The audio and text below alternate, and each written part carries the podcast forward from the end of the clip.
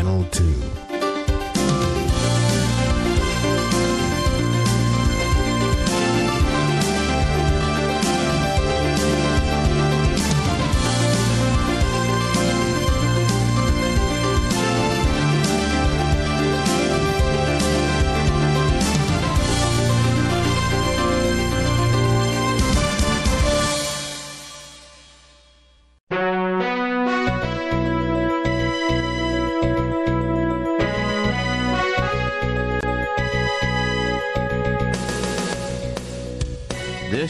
Radio Free Asia. The following program is in Burmese. မင်္ဂလာနေ့နဲ့ခင်မရှင်လွတ်လပ်တဲ့အာရှအသံ RFA ရဲ့2021ခုနှစ်စက်တင်ဘာလ26ရက်တနင်္ဂနွေနေ့နဲ့ခင်းစီစဉ်တွေကို American ပြည်ထောင်စု Washington DC မြို့တော်ကနေစတင်တန်လွှင့်နေပါပြီရှင်။။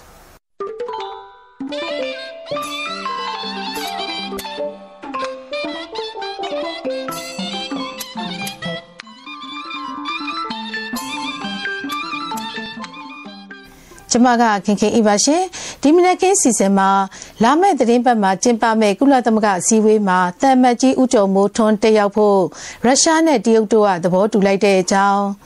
အာနာသိန်းစစ်ကောင်စီကနိုင်ငံသားတွေရဲ့အိုးအိမ်ဥစ္စာပစ္စည်းတွေကိုတရားမဲ့ဖျက်ဆီးတာတွေအပေါ်ဥပဒေကြောင်းအရဆောင်ရွက်မယ်လို့မြို့သားညီညွတ်ရေးအစိုးရ NUG ကထုတ်ပြန်လိုက်တဲ့သတင်း ဒေသကာကွယ်ရေးအဖွဲ့တွေနဲ့တိုက်ပွဲပြင်းထန်နေတဲ့ပင်လယ်ဘူးမြို့နယ်ကိုစစ်ကောင်စီကလေကြောင်းကနေတိုက်ခိုက်ခဲ့တဲ့အခြေအနေနဲ့မတူသောချစ်ချင်းဆိုတဲ့အစီအစဉ်နဲ့ရခိုင်တိုင်းသားဘာသာအစီအစဉ်တွေကိုကြည့်ရှုနားဆင်ရမှာပါရှင်။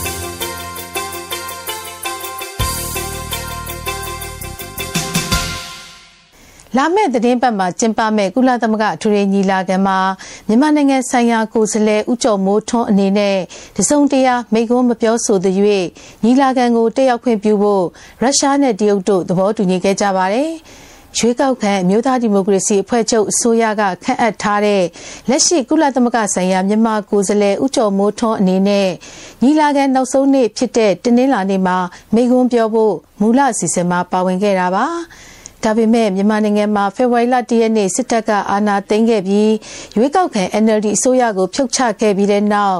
ကုလသမဂ္ဂမှာမြန်မာနိုင်ငံကိုကိုစားပြုပြဿနာပေါ်ပေါက်လာခဲ့ပါတယ်။ဒီပြဿနာနဲ့ပတ်သက်ပြီးကုလသမဂ္ဂပြောခွင့်ရသူစတက်ဖင်ဒူဂျရက်က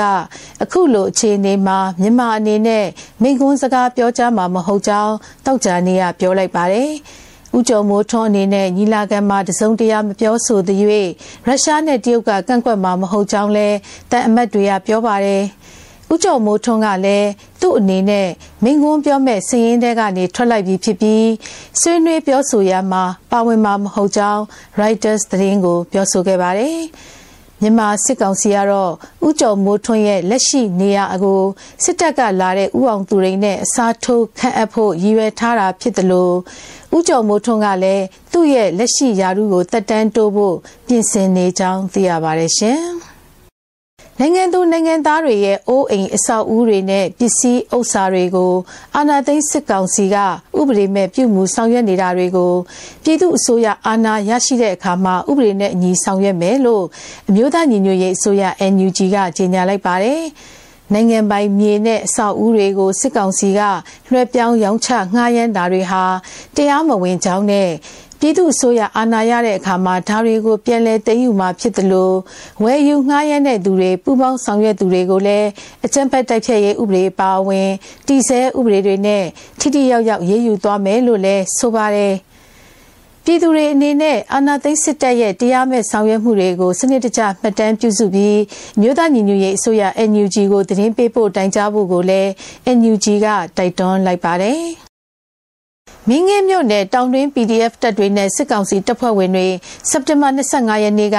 ကလေးဝမုံရွာသွားတဲ့အာရှလမ်းမကြီးဘေးကဂုံငင်းရွာအနီးမှာမနက်9နာရီလောက်ကစပြီးတိုက်ပွဲတွေဖြစ်ပွားခဲ့ပါတယ်။စစ်ကောင်စီတပ်ဖွဲ့ဝင်80လောက်ချီတက်လာကြတာကိုတောင်တွင်း PDF တပ်ဖွဲ့ဝင်တွေကကြားဖြတ်ဝင်တိုက်တာလို့တောင်တွင်း PDF တပ်ဖွဲ့ကပြန်ကြားရေးတာဝန်ခံတဦးကပြောပါတယ်။တိုက်ပွဲကြောင့်စစ်ကောင်စီတပ်ဖက်ကအနည်းဆုံး9ယောက်လောက်ထိမှန်ခဲ့ကြောင်းနဲ့ ပြည်သူ့ကာကွယ်ရေးအဖွဲ့ကတယောက်ဒဏ်ရာရခဲ့တယ်လို့ဆိုပါတယ်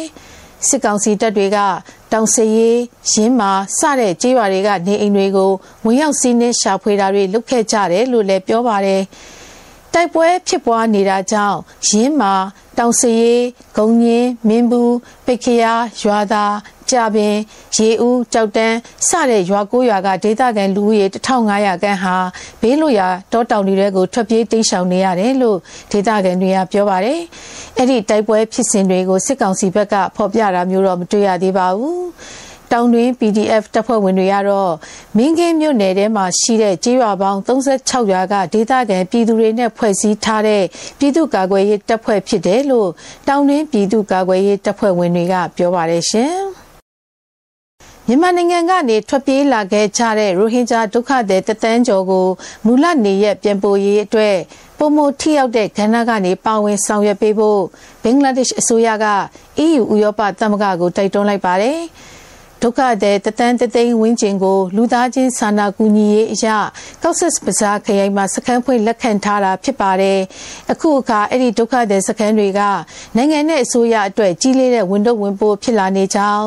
ကြီးမားလာတဲ့ဒုက္ခသည်စခန်းတွေကြောင့်နိုင်ငံမှာလူမှုရေးစီးပွားရေးတဘာဝပတ်ဝန်းကျင်ရေးတွေမှာထိခိုက်မှုတွေနဲ့ကြုံတွေ့နေရကြောင်း ဘင်္ဂလားဒေ့ရှ်နိုင်ငံသားရေးဝန်ကြီးအဘူမိုမင်ကပြောပါတယ်။ EU နိုင်ငံသားရေးမူဝါဒဆိုင်ရာအကြီးအကဲဂျိုးဆက်မိုရဲနဲ့ကုလသမဂ္ဂဒူရီညီလာခံပြင်ပမှာတွေ့ဆုံစဉ်အတွင်းမှာပြောဆိုခဲ့တာပါဂျိုးဆက်ဘိုရဲကလည်းရိုဟင်ဂျာဒုက္ခသည်တွေအတွက်လူသားချင်းစာနာမှုအကူအညီတွေဆောင်ရွက်ပေးခဲ့တဲ့ပုံမှာကျေးဇူးတင်ကြောင်း EU အနေနဲ့ဘင်္ဂလားဒေ့ရှ်အပါအဝင်နိုင်ငံတကာအတိုင်းဝိုင်းနဲ့အတူရိုဟင်ဂျာတွေနေရပြန်နိုင်ရေးကိစ္စကိုကူညီဆောင်ရွက်မှာဖြစ်ကြောင်းပြောဆိုပါတယ်။ဘင်္ဂလားဒေ့ရှ်နိုင်ငံသားရေးဝန်ကြီးအဘူမိုမန်ကလည်းဖွံ့ဖြိုးပြီးနိုင်ငံများရဲ့ရာသီဥတုဆိုင်ရာနှစ်စဉ်ရန်ပုံငွေအမေရိကန်ဒေါ်လာဘီလီယံ100ထက်ဝင်ရေးကိစ္စမှာ EU ပါဝင်ဖို့တိုက်တွန်းခဲ့ပါတယ်ရှင်။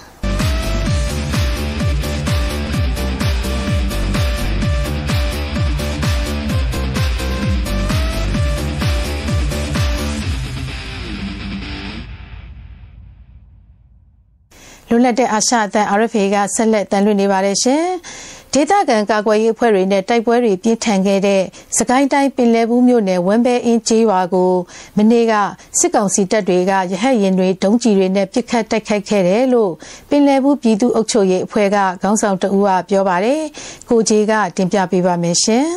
။စကိုင်းတိုင်းပင်လယ်ဘူးမြို့နယ်မူးမြစ်နောင်မူးမြကုတရာပေါ်မှာဒေသခံ PDF တပ်ဖွဲ့ဝင်တွေနဲ့စစ်ကောင်စီတပ်ဖွဲ့ဝင်တွေ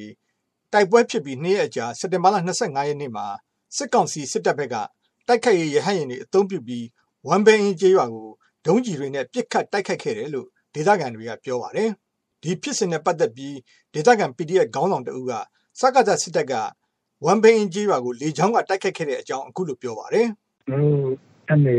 9နာရီကျော်ကျော်လောက်ပါလေ။ ပတ်စကီနဲ့ပြင်းရလာတဲ့တေဗီရအဲ့ဒီမှာဒီကလေးနေနိုင်တဲ့တောထဲတွေပေါ့လေအဲ့ဒီမှာသူလာပြဲတယ်ပြတ်မူးမြစ်လာပြေးကိုလည်းသူကျဲတယ်ပြတ်သူစက်ကနေနဲ့ပြန်တက်တော့တယ်ဒါနဲ့ကျွန်တော်ရွာရီတော့မထီဘူးအဲ့ဒါလည်းမရှိတဲ့ပြင်းနေတဲ့စစ်သားတွေထွက်ဖို့ရအောင်လို့အဲ့ထွက်ဖို့လမ်းကြောင်းတစ်လျှောက်လဲကြည့်ရနေပြစ်သွားတယ်လို့ပြောတယ်ပြသူနောက်မှုဘက်မှာသူပြင်းနေနေတာအဲ့စစ်သားတွေကအခုကျွန်တော်တို့ ဟိုနောင်မှုရွာနေပြီးထွက်ဖို့ရပါလိမ့်နော်နောင်မှုရွာနေထွက်ဖို့ရမူပြကူရရမူပြကူရကျွန်တော်ရုံးနေမှုဒီညရောက်သွားတယ်ဆိုတော့ရတယ်အများထိခိုက်ခါတော့ကျွန်တော်မှမရှိသေးပါဘူးပြစက်တင်ဘာလ22ရက်နေ့ကပင်လယ်ဘူးမြို့နယ်နောင်မူကျေးရွာနဲ့ဝမ်မင်းကျေးရွာအကြားမှာရှိတဲ့မူမြစ်တရားပေါ်မှာ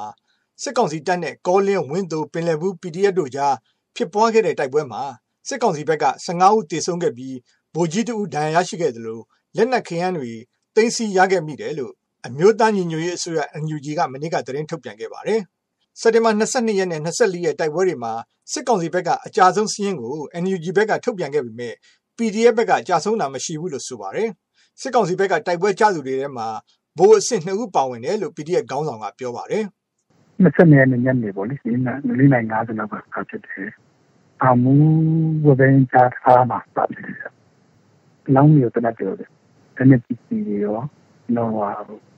ကဝါရောလက်နဲ့တီးလက်နဲ့မြည်ပြီးထလိုက်အဲ့ဒီတော့နောက်တည့်မှာသူကပါမယ်ဒီမှာဟိုဘက်က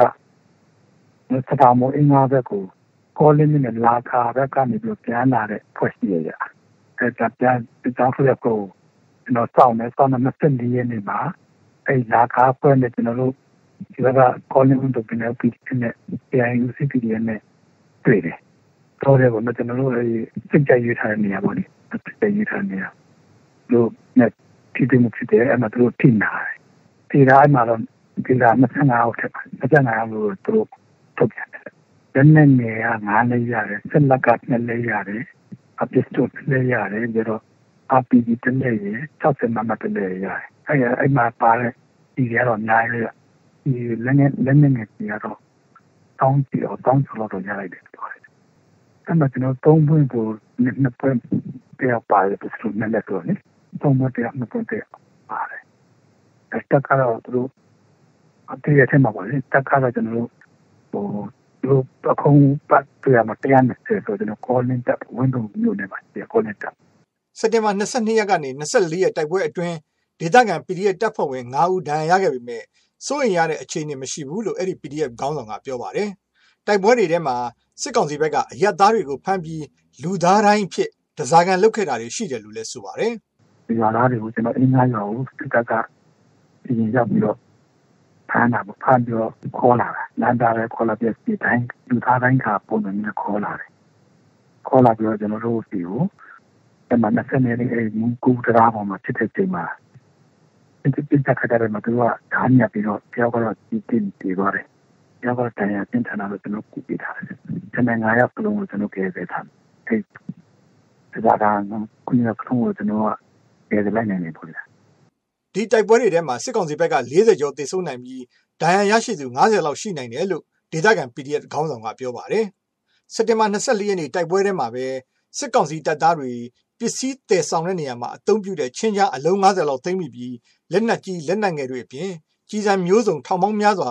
ရရှိခဲ့တယ်လို့လည်းပြောပါတယ်။ဒီတိုက်ပွဲဖြစ်စဉ်တွေနဲ့ပတ်သက်ပြီးစစ်ကောင်စီဘက်ကိုဖုံးကတဆင့်မေးမြန်းခဲ့ပေမဲ့လက်ခံပြေဆိုတာမရှိပါဘူး။ တိုက်ပွဲနဲ့ပတ်သက်ပြီး RFA အနေနဲ့တိကျအတည်ပြုနိုင်ဖို့ ကြိုးစားနေဆဲဖြစ်ပါတယ်။ကျွန်တော်ကတော့ ကိုကြီးပါ ဒီအကြောင်းကို အမေရိကန်ပြည်ထောင်စု ဝါရှင်တန် DC ကနေ တင်ဆက်ခဲ့တာဖြစ်ပါတယ်ခင်ဗျာ။ မြို့သားညီညွတ်ရေးအစိုးရ NUG ကနိုင်ငံတော်ဝန်စစ်ကောင်စီကိုလက်နက်ကင်တော်လှန်ကြဖို့ကြေညာပြီးနောက်စစ်ကောင်စီပေါ်တိုက်ခိုက်မှုတွေနဲ့နှစ်ဖက်တင်းမာမှုတွေပိုပြီးမြင့်လာတာကြောင့်နိုင်ငံတကာကတိုက်တွန်းနေတဲ့ငင်းချမ်းရေးလမ်းကအလှမ်းဝေးနေဆဲပဲလို့လေလာသူတွေကထောက်ပြကြပါတယ်ဒီအကြောင်းကိုဥတည်အောင်ခိုင်ကတင်ပြပေးပါမယ်ရှင်ပြီးခဲ့တဲ့စက်တင်ဘာလ9ရက်နေ့ကအမျိုးသားညီညွတ်ရေးအစိုးရ NUG ကစစ်ကောင်စီကိုတနိုင်ငံလုံးဝိုင်းဝန်းတိုက်ခတ်ကြဖို့ကြေညာခဲ့ပြီးတဲ့နောက် KNPP, CNF, KIO, MNDAA စတဲ့တိုင်းရင်းသားလက်နက်ကိုင်အဖွဲ့တွေဟာသူတို့လှုပ်ရှားရာဒေသတွေမှာ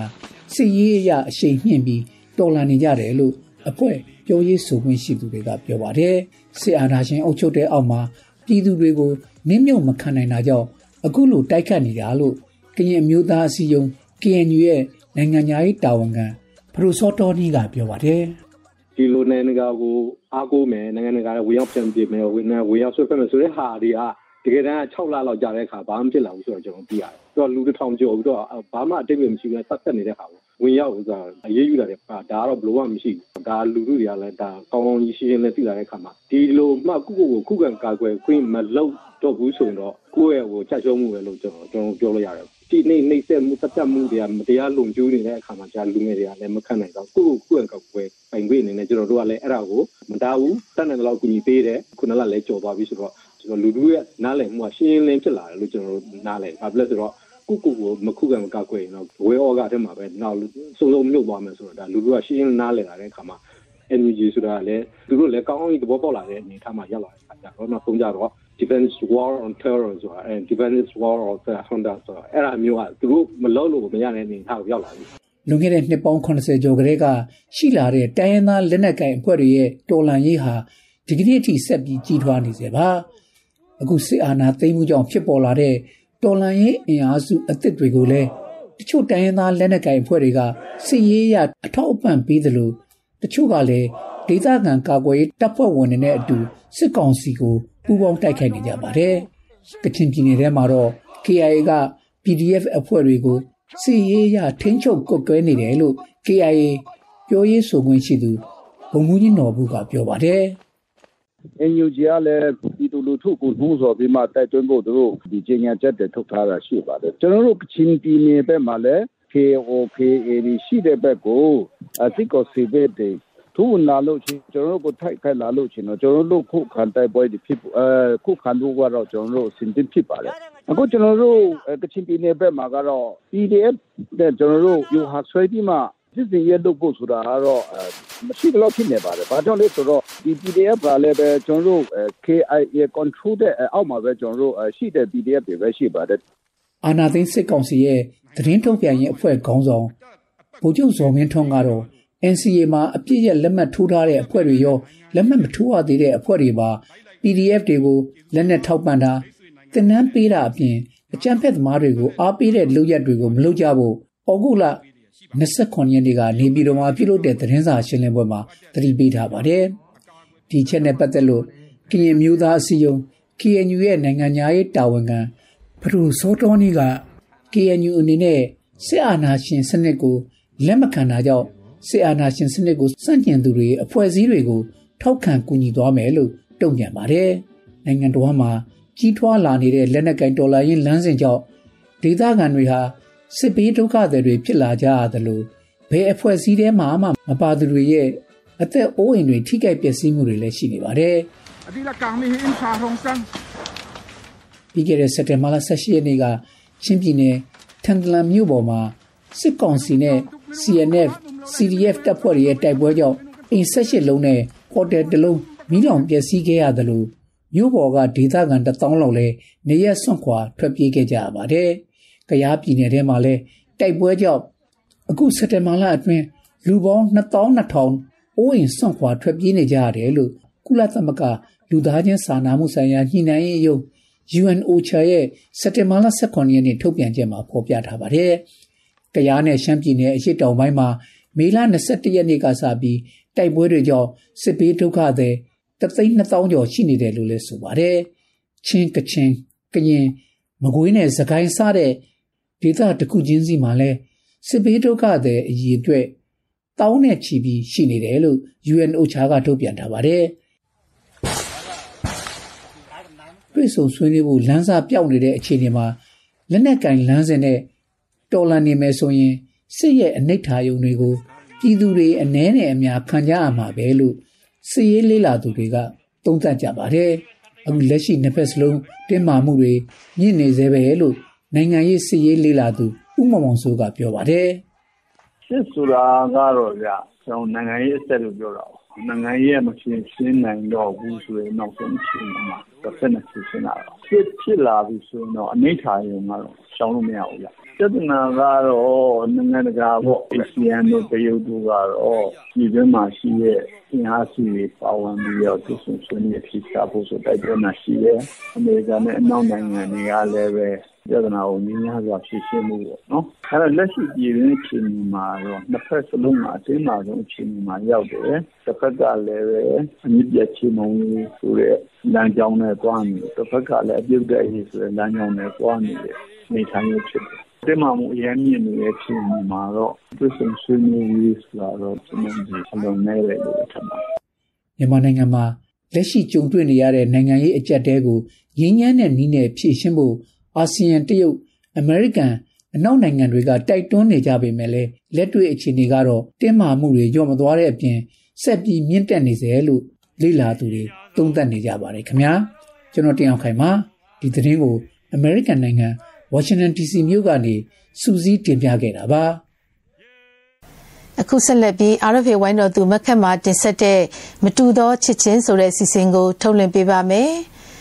အင်တာနက်နဲ့တခြားမိုဘိုင်း digital ခေတ်မှာကြီးပြင်းခဲ့ပေမဲ့လျှက်စစ်မီတောင်မရှိတဲ့လူမြောက်နယ်မြေတွေစီထွက်ခွာပြီးအာနာရှင်စနစ်ကိုတော်လှန်ဖို့စ조사နေကြတဲ့ generation Z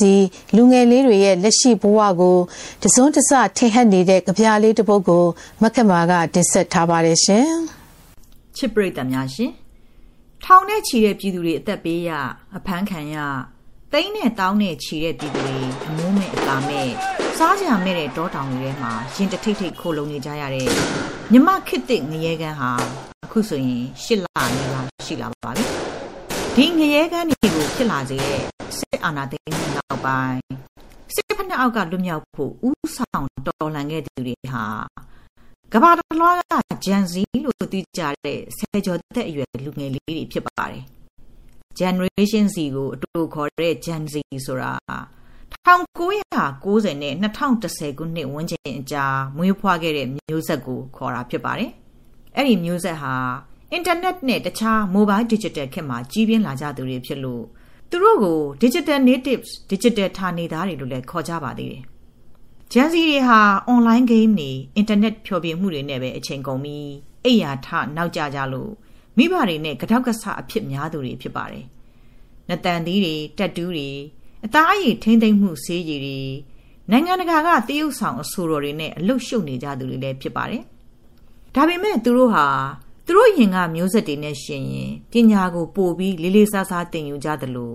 အလုတ်လုတ်တဲ့အခါတည်သက်ပြီးပြီးတော့ကျမ်းမာရေးကိုလည်းပို့ပြီးလိုက်စားကြပါတယ်။ဒါအပြင်လွတ်လပ်မှုကိုလည်းပို့ပြီးတော့မျက်နှိုးကြပါတယ်။အဲ့လိုအကြောင်းရင်းခံတွေရှိနေလို့လေသူတို့ဥဆောင်တဲ့တော်လှန်ရေးဟာ စစ်အာဏာရှင်တွေအငိုက်မိသွားလောက်အောင်တမိုင်းမှာမကြုံဘူးလောက်အောင်ကိုထိရောက်ခဲ့ပါတယ်။သူတို့တွေလမ်းပေါ်ထွက်ခဲ့ကြချိန်မှာတနိုင်ငံလုံးကအံ့ဩအားပေးခဲ့ကြပေမဲ့နောက်တစ်ဆင့်အနေနဲ့အိမ်ပြန်ရောက်ဖို့မတေကြတဲ့လမ်းတွေစီအတီးတီးထွက်ခွာကြချိန်မှာတော့သူတို့မိဘတွေမိသားစုဝင်မွေးချင်းမောင်နှမနဲ့ဆွေမျိုးတွေကရင်ခွဲပက်လက်နဲ့ပဲခွင့်ပြုကြရပြန်ပါတယ်။လျှက်စစ်မီးတောင်မရှိတဲ့တောတောင်တွေထွက်ခွာသွားဖို့အထိ စစ်အာဏာရှင်ကိုတော်လှန်မှုစိတ်အားထက်သန်ကြသူ digital ထားနေသားလေးတွေရဲ့ဘဝကိုဖော်ကျူးထားတဲ့ကြပြလေးတစ်ပုဒ်ကိုဒီတစ်ပတ်နားဆင်ခံစားကြည့်ကြပါအောင်ရှင်။ကြပြရေးသူမဲ့ကူကမြမသမိုင်းကိုပြောင်းလဲစေခဲ့သူတွေကတယောက်ကိုနိုင်ငံတော်ရဲ့ညီမလေးလို့တင်စားထားပါတယ်။နိုင်ငံတော်ရဲ့ညီမလေးထိမ်းများမင်္ဂလာနေ့ကိုလက်တကြွယ်မှာစိတ်မင်ချောင်ထိုးမယ်ဆိုတဲ့ညီမလေးရဲ့သွေးက အိုပါတေးရင်ခန္ဓာကိုယ်ကိုလှူပါတယ်လို့ဆန္ဒပြတိုင်းလက်ဖြံမှာမှင်နေချေခဲ့တယ်ဟာတညံရွှင်သူသွေးမြင်ရင်ခေါင်းမှုတတ်သူကလေးကတနက်တန်ရာနဲ့တငယ်ချင်းရဲ့အလောင်းကိုတီကြီးစွာပွေပြီးတဲ့နောက်မှာကာလအတန်ကြာအောင်မရည်တတ်တော့ဘူးလေအေးပေးဆက်ကို83ဒီဂရီမှာဖွင့်ပြီးဝဝွန်ရုပ်ဖတ်ထားမှအိတ်တက်တဲ့တရေကြောက်သူညီမလေးက အိယာလိတ်မပါပဲတောထဲဝင်သွားပြီလေအရေးပြားကိုရေတက်အစီတက်နဲ့အာဟာရဓာတ်တွေပုံမှန်ဖြည့်သွင်းလေရှိသူကနေလောင်ကန်ဆေးရည်နဲ့ခြင်ဆေးပြန်မှုပဲဆောင်းတော့တယ်လို့ဆိုတယ်ဟင်းရွေးသူညီမလေးကထမင်းဖြူကြီးပဲလဲစားတတ်ပြီတဲ့ပြင်ထွက်တိုင်းရေချိုးတတ်ပြီးအဝတ်သစ်လဲတတ်သူလေးကဖုံပေတဲ့ဝတ်စုံနဲ့တစ်နေ့လုံးနေတတ်ပြီတဲ့ ဝမ်ရီပေါ်ရဲ့ပုံသစ်မမြင်ရရင်လွမ်းလွန်းလို့တင်နိုင်တယ်လို့ဆိုခဲ့သူကအင်တာနက်မရှိလဲဖြစ်တယ်တဲ့ကိုရီးယားတချင်းနေနားမထောင်ဖြစ်ပဲတရားဖွင့်ထားတယ်လို့ဆိုတယ် Marvel ကားတဲ့အကြောင်းပြောတဲ့အခါဇက်အိမ်ကိုစိတ်မဝင်စားတော့ပဲတိုနီစတာရဲ့ဝတ်စုံကိုလိုချင်တယ်လို့ပူစားတယ်။တော်လှန်ရေးပြီးရင်သွားချင်တဲ့နေရာအကြောင်းမေးတဲ့အခါချင်းကိုတောင်မှမတက်ရက်သူကဆက်တိုက်ရမှာရှိသေးတယ်လို့ဖြေတယ်။ နေမကောင်းတဲ့အခါအိမ်လွမ်းတယ်လို့ပြောရင်းကပဲကြဆုံးသွားတဲ့သူတွေကိုတန်းတာပြီးစကားအမြန်ဖြတ်တယ်။အခုတော့ရင်ပိုတန်းတာခံမှုသွားပြီ။အရေးပြားနာတွေပေါ်မာလေလို့ညီမလေးကနောက်ပြောင်ဆိုတဲ့အခါငိုမဲ့မဲ့နဲ့ဟန်လို့ရနိုင်သေးပေမဲ့အဆင်ပြေပါတယ်လို့ညီမလေးကပြုံးပြီးပြောတဲ့အခါမမြင်ကွယ်ရမှာမျက်ရည်ကျရတယ် အခုဆက်လက်ပြီးရခိုင်တိုင်းသားဘာသာစီစဉ်ကို ထုတ်လွှင့်ပေးပါမယ်။ကိုမင်းမင်းကစီစဉ်တင်ဆက်ထားပါတယ်ရှင်။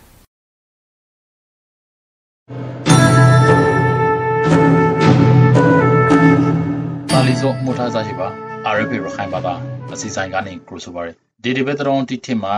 ဒမရီအော်ဇာဇီခနိုင်တောင်းတီမနော်တလာရဲ့တော့ရခိုင်ကတောင်းတူဒီအခါတွင်းနေကြရတဲ့ကောင်ရခိုင်ကကိုဝန်ဆောင်စိတ်ပေးဒုက္ခတဲ့အမျိုးသမီးတယောက်ကိုပဲကုစားခံရတဲ့တော့ စိုက်ကောင်စီကကိုဗစ်ကာကွယ်စီထိုးပြီးဖို့တဲ့ AA ဘရွန် ALP တယ်လီပါဝန်ရဲ့တောင်းတီကိုနတ်ထောင်ဖို့ဖိုက်ပါတယ်ရခိုင်ပြည်နယ်မှာဒမရီအော်ဇာတိုက်ကိုဖေသာ3000ဝန်းကျင်လောက်ပဲရှိရကနေခနိုင်တောင်းထိစီတာလာရတော့တောင်သူလေသမားတွေအခါခေဖိုင်နေကြရပါတယ်ပုံနှကြုံလို့နေဖရွန်ဒိုဂျီရိုကတော့မာတန်တီကဒီနိုင်လေဘရမှာမရေဥစာမထင်နိုင်ပဲနောက်နိုင်အထွန်းနှုံးကိုစိုးရိမ်နေရတယ်လို့ပြောပါတယ်ဘ ရိခါရဲ့နိုင်ကထွားရှိခါရဲ့စင်စပါလေးလေရောင်မထွားဖိုင်နေသိမနာလာဟိမှာကုံစည်းနုံဒီဇီတမနာငါပေးမစုံစမစုံနဲ့စားတော့နိုင်ကြရတယ်လို့တောင်းသူတီကပြောပါတယ်ကိုဘေးတာရရလိုက်ဝန်ရောက်ခါဘရီရဲ့နောက်ပိုင်းမှာဒမ်ရီအော်ဇာတိတ်ကိုဖိတာ4000ကျော်ခရောင်းတောင်းလောက်ထိမွန်တက်ခါဘရီကအမေရိကန်ဒေါ်လာကိုပမာငွေကျပ်2000ကျော်လာတဲ့ရှင်ခနိုင်သောကျော်အထိထိုးတာလာဆိုပါရခိုင်ပြည်နယ်မှာလေကားပေါင်းစင်းသိန်းခန့်လောက်ရှိနာဒီကနေ့မှာ လေကားရှိုက်သိန်း9000ကျော်လောက်စိုက်ပြိုခါစောပြပါတယ်ကျောက်တော်မြို့နယ်တောင်မောင်းကလာစိုက်ပေးဆောင်စခန်းကဒုက္ခသည်မျိုးသမီးတယောက်မှာစက်တင်ဘာ20ရက်နေ့ကကိုပေပိုးတွေ့ရှိခဲ့ပါတယ်ကိုဝန်လေးလာရှိရရွံ့လူနာဆိုကျောက်တော်မြို့နယ်စီရုံမှာစီကူတမခံယူနေရပြီးကျက်မရဲကောက်မွန်လျာရှိနေပြီလို့မြို့နယ်ဆရာဝန်ဒေါက်တာတန်ထုံးကအတည်ပြုပါတယ်ရုံစခန်းမှာကိုဗစ်တွေ့ရှိပြီးနောက်စခန်းကိုလော့ဒေါင်းချလိုက်ပြီးကစခန်းအထိပ်မှာအနေမရတဲ့လူ20လောက်ကိုလည်း စီရုံမှာအနေကကျဲမာရဲဆောင်ရှောင်းပြီးနေတယ်လို့ပြောပါတယ်။တောင်မွန်ကလာစိတ်ပေးဆောင်စခန်းမှာဒုက္ခသည်900ကျော်လောက်ရှိနေတာပြခရဲအေအေနဲ့စိတ်ကောင်စီတိုက်ပွဲတီအတွန်းကခိုလိုနေထိုင်ကြရသည်လေးဖိုက်ပါတယ်။စိတ်ကောင်စီကပြည့်ရဲ့ကိုဗစ်ကာကွယ်စီကိုရာဟင်ဖို့တေရခိုင်တတော် ULAA ဘရောင်းရခိုင်ပြည်လွေမရီတက်မတော် ALP ELA လေးပါဝင်ရလို့ကာယကန်ရှောင်းပါတီနဲ့လာနာကိုင်တေပရခွန်ရာသူတီကအတိပြုဖိကရပါတယ် စက်တင်ဘာလတတိယပတ်အတွင်းမှာရခိုင်ပြည်နယ်ကိုကျရုနိုင်ငံထုတ်ကိုဗစ်ကာကွယ်စီစီနိုဗန်အလုံးရတသိန်း3000ခန့်ရောက်ဖို့ရှိနေပါတယ်။ယောင်စီတီကိုရခိုင်ပြည်နယ်ကအုပ်စုမျိုးစားစစ်ခရော့အုပ်စုကိုထိုးပြလာဖို့စက်ကောင်စီကစီစဉ်နေကြပါ။ယောင်ထေ AA နဲ့တူ ALP လေးပါနေကြပါ။ရေတာလေးတဲဖွဲ့ဝန်ဇလောက်ကိုဇပန်အစီဆိုင်နဲ့ထိုးပြီးလာဖို့ဆိုဆိုကိုစက်ကောင်စီဘာကပါနဖာလာနာခိုင်အဖွေတီကပါထုတ်ပြောဆိုမရှိပါအေအေဘ ရန်ကာရဲ့တဝန်ခံခိုင်သူခါကတော့သူတို့အဖွေရဖို့ကိုပိတ်ကကွေစီခွေတန်ကိုရခိုင်ပြည်သူတီကိုဦးစားပေးထူနေလာဖို့လို့ပြောပါတယ်သတော်ဒီပရီမာကိုပိုင်စာပေနဲ့အမိန်နာမအမှန်ပေါ်ပေါ်ဖို့တော့ဒိုင်နာကိုစကမလူမျိုးတီကလိုလာနေတယ်သတော်ဆောင်ပေါက်ကိုထုတ်လွန်ပြီးလာဖို့ဖက်ပါတယ်ကိုပိုင်စာပီသုံးကခွန်ရာဖို့နဲ့အမိနာမအမဲပေါ်ပါဖို့တော့ရခိုင်ပြည်နယ်တော့နေထိုင်တဲ့ဒိုင်းနာခေါ် ရှက်ကမလူမျိုးတီကလိုလာနေခဲ့ပါတယ်ရှက်ကမလူမျိုးတီဆိုရခိုင်ပြည်နယ်မြောက်ပိုင်းမှာအများဆုံးနေထိုင်ခဲ့ပနာအဘဘကနေချနေတဲ့မြို့နယ်စုဝန်ထေကတခုပါအများစုကလေယာလုံငန်းနဲ့အသားမွေးဝမ်းကြောင်း program နာကိုပိုင်ဘာသာစကားရိုင်းကျင်းမှုနဲ့ ready နေခဲ့သူတိပါကိုလူမျိုးအရှောင်းရှောင်းရှက်ကမလို့ခေါ်ခဲ့ကြလေတခါတိုင်အောင်သားတွေကတော့သူတို့ကိုဒိုင်နာလို့သိခဲ့ပါတယ်။နိုင်ငံတကာမှာရှိရသူတို့လူမျိုးတွေနဲ့ ဂျိဆာမှုရရှိနိုင်ဖို့ကိုနာမေချက်ကမလူမျိုးခေါ်ဆိုတမဖို့လိုရလို့စိုက်တွေခရိုင်ချက်ကမစာပေနဲ့ဂျိုင်ချင်းမှုအဖွဲ့ကောင်ဆောင်ဦးကျန်သိမ်းမောင်ကပြောပါတယ်။သမိုင်းထောက်ထားဒီရာရခိုင်ဘရမွန်တီလာထချက်ကမရိုီမိတ်ဂရီဒေတာကိုသိမ်းယူပြီးနောက်အနာရောင်ဒိုင်းကိုအခွင့်ပြီးဆောင်စီခါရာကနေဒိုင်နာလို့နာမည်တွန်ခါဆိုပရိုခဲ့ပါတယ်နာမည်အမှန်ရာရလာဖို့ဆိုခါကေ ဘင်္ဂလားဒေ့ရှ်အိန္ဒိယစတဲ့နိုင်ငံတွေမှာရှိနေပြီသူတို့လူမျိုးတွေနဲ့အတူကိုပိုင်ဘာသာစကားစာပေရိုင်းချင်းမှုနဲ့စားရကန်နာဒီပရမနာထရွန်တန်လာဖို့လို့သူတို့ကယုံကြည်နေခဲ့ပါတယ်။လိုင်းမှာတော့အစိုးရအကြောင်းဒီမှာစကမတာရန်တာဘာသာစကားနဲ့တောင်းပဖို့ပညာရေးဝန်ထမ်းတီခင်အဲခွန်ရာထာပရိပြန်ဖရက်ကလေးစာပီပရာတဲ့ပုံငွေပြည့်ခါကေရှိလို့သူတို့ဖကလူကြီးပိုင်းဒီကပြောပါတယ်သူတို့လူမျိုးတီဆိုရခိုင်ပြည်ထေကမောင်တော်ဘူးတီတောင်ရသေးတောင် ပုံနာကျွန်းကြောက်တော် မရောဦးမွန်ဘရာနိုနေတီမှာ ပရင်ဂရင်းနေထိုင်ခဲ့ပါလားရှကမာတာရန်သာလူရစုစုဘောင်းက မြန်မာတနိုင်ငံလုံးမှာ4000ခန်းလောက်ပေးရှိပြဲလို့ သူတို့ဒီစရောအရှာလာတီရာကိုကပနာပရော့ခဲ့ပါတယ်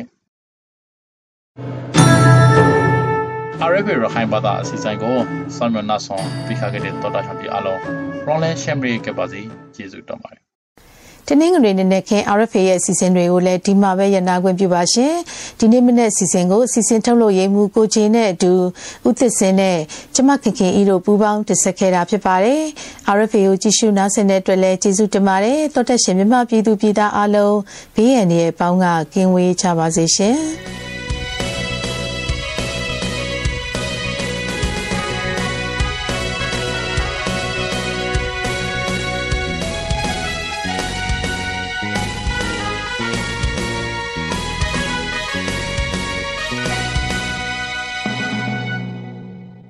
been listening to Radio Free Asia.